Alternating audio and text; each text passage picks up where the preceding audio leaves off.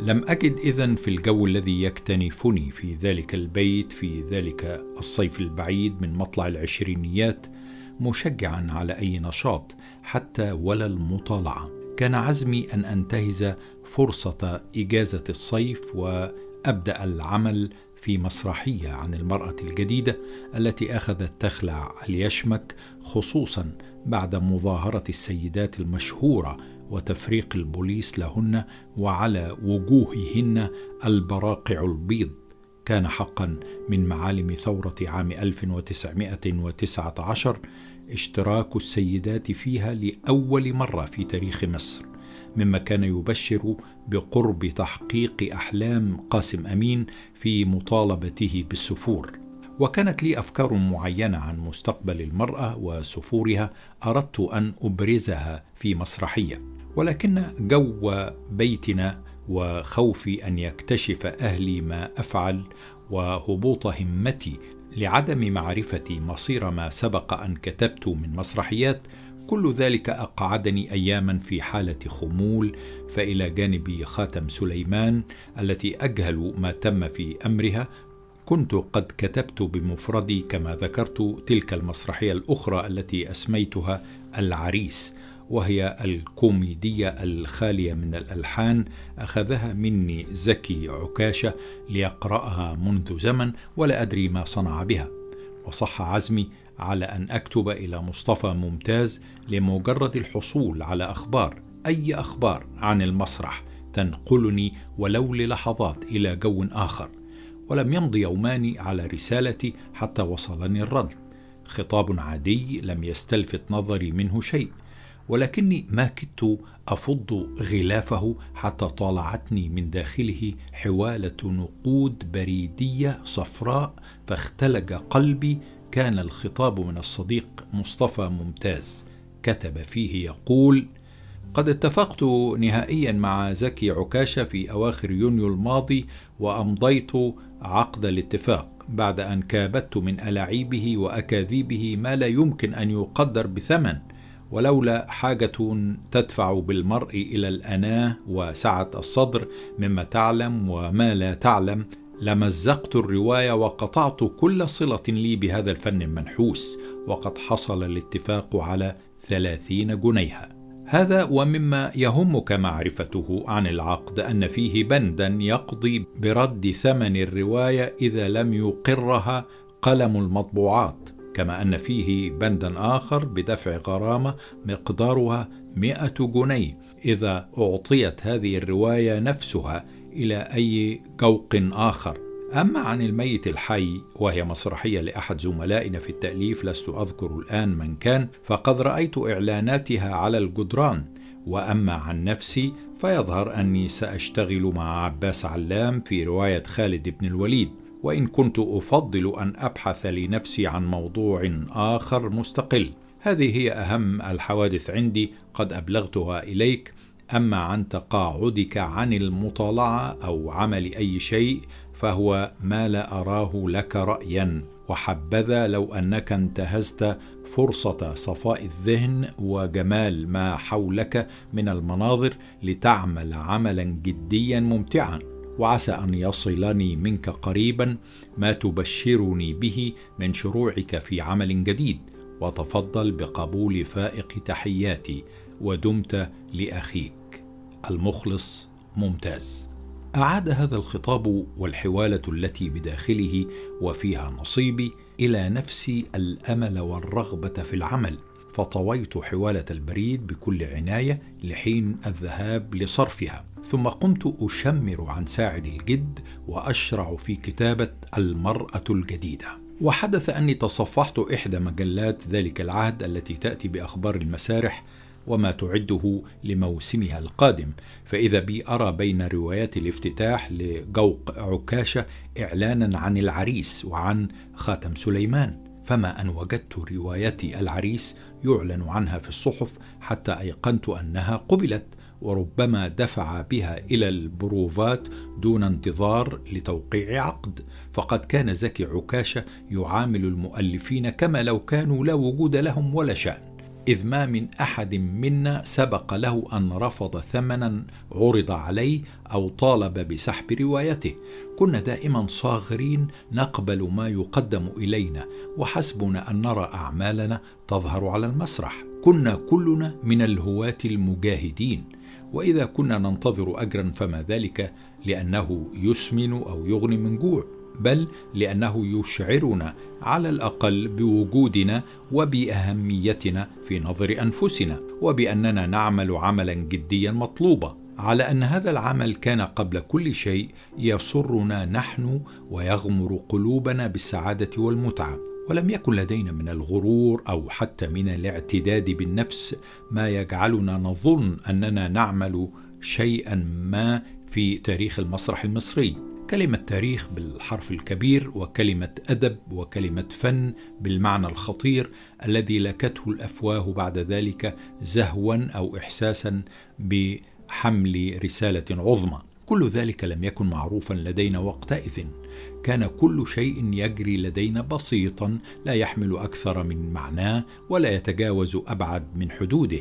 على أن الإنتاج المسرحي في تلك المرحلة شأنه شأن الإنتاج الأدبي والفكري كان أغلبه يعتمد على الترجمة والتمصير والتعريب. وكانت المسرحية الأجنبية الممصرة تسمى اقتباسا. كما كانت الرواية الأجنبية المترجمة بتصرف كما عند المنفلوطي تسمى تعريبا. التعريب في الأدب والتمصير في المسرح ولم تكن كلمة الاقتباس دقيقة المعنى اللغوي لكنها كانت تعني في العرف الجاري أن المسرحية ليست تاليفا خالصا ولا ترجمة خالصة بل هي نقل الموضوع من جو إلى جو ومن شخصيات أجنبية إلى شخصيات مصرية أو شرقية. فالاقتباس الشرقي كان على غرار روايات الريحاني وبديع خيري والكسار وأمين صدقي وعباس علام وسليمان نجيب وأنا في العريس. والاقتباس الشرقي كان على غرار العشرة الطيبة للمرحوم محمد تيمور وبعض مسرحيات إبراهيم رمزي وروايتنا خاتم سليمان إلى آخره. والعجيب في ذلك العهد هو الشعور الطبيعي بواجب الأمانة الفنية. فإذا روجعت إعلانات تلك الروايات لو وجد تحتها كلمة اقتباس فلان. إني أحتفظ حتى الآن ببعض إعلانات اليد ذات الألوان الحمراء والخضراء والصفراء للعريس وختم سليمان طبع تحتها كلمة اقتباس بقلم فلان. ما كان أحد منا يسمح لنفسه أن يكتب كلمة تأليف إلا إذا كان هذا قد حدث فعلا أو كان ابتكاره أو جهده قد وصل إلى درجة التأليف. أما إذا كانت الرواية مترجمة فإن اسم المؤلف الأجنبي كان يذكر في جميع الإعلانات مهما تكن قيمة المترجم أو المعرب. فالمنفلوطي في تعريبه للقصص وعثمان جلال ومحمد مسعود للمسرحيات كانوا جميعا يحرصون كل الحرص على إبراز اسم المؤلف الأصلي المترجم أو المعرب عنه. فإذا لم يتيسر ذلك لما حدث للمسرحية من تغييرات كادت تنقلها إلى شيء جديد فكان يكتفى بذكر كلمة اقتباس بقلم فلان. وحدث أن أراد عباس علام التحلل من كلمة اقتباس هذه التي جرى عليها العرف فابتدع ولعله أول من ابتدع تلك الكلمة الغامضة التي تحمل شتى المعاني حين تذكر بمفردها وهي كلمة بقلم. فكان يضع تحت مسرحياته كلمة بقلم وحدها حاذفا كلمة اقتباس. التي تسبقها عادة وبهذا يترك الأمر معلقا يفسر كما يفسر. هل هو تأليف بقلم أو اقتباس بقلم؟ وأذكر أن النقاد في ذلك العهد تندروا بهذه الطريقة بادئ الأمر وأطلقوا عليه فيما بينهم اسم عباس علام بقلم. إلى أن شاعت هذه الطريقة بين الكتاب جميعا وأصبحت شيئا طبيعيا.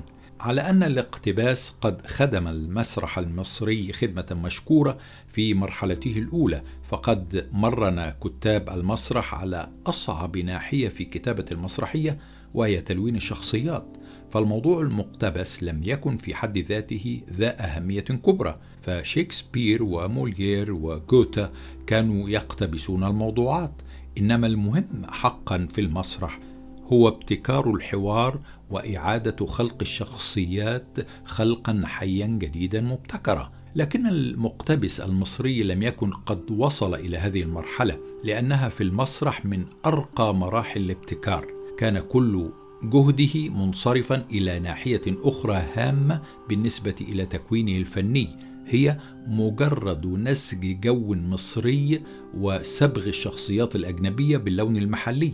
فجهد عثمان جلال في تمصير الشيخ متلوف مثلا عن تارتوف لموليير يحسه المشاهد ويلمسه لأول وهلة. كانت هذه الخطوة لابد منها على كل حال في التأليف المصري العربي وإن كان من العجب أن الاقتباس في المسرح الأوروبي والأمريكي أصبح اليوم بدعة العصر.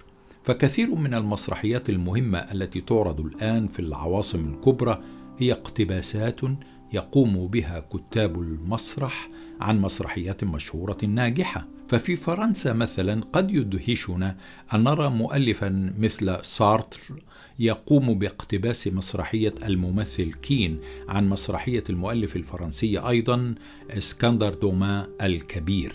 وأن ترى جان كوكتو يقوم باقتباس مسرحية أمريكية هي عربة اللذة لتينيسي ويليامز. وإذا تتبعنا المسرح الإنجليزي أو الألماني أو الأمريكي فسنجد مثل هذا أيضا. على أن الاقتباس في أوروبا وأمريكا وهو المسمى الإعداد أو التكيف أو النص الجديد يقف عند حد التغيرات في النص لاختلاف روح الدعابة والسخرية والتشبيهات والمثال ونحو ذلك بين بلد وآخر.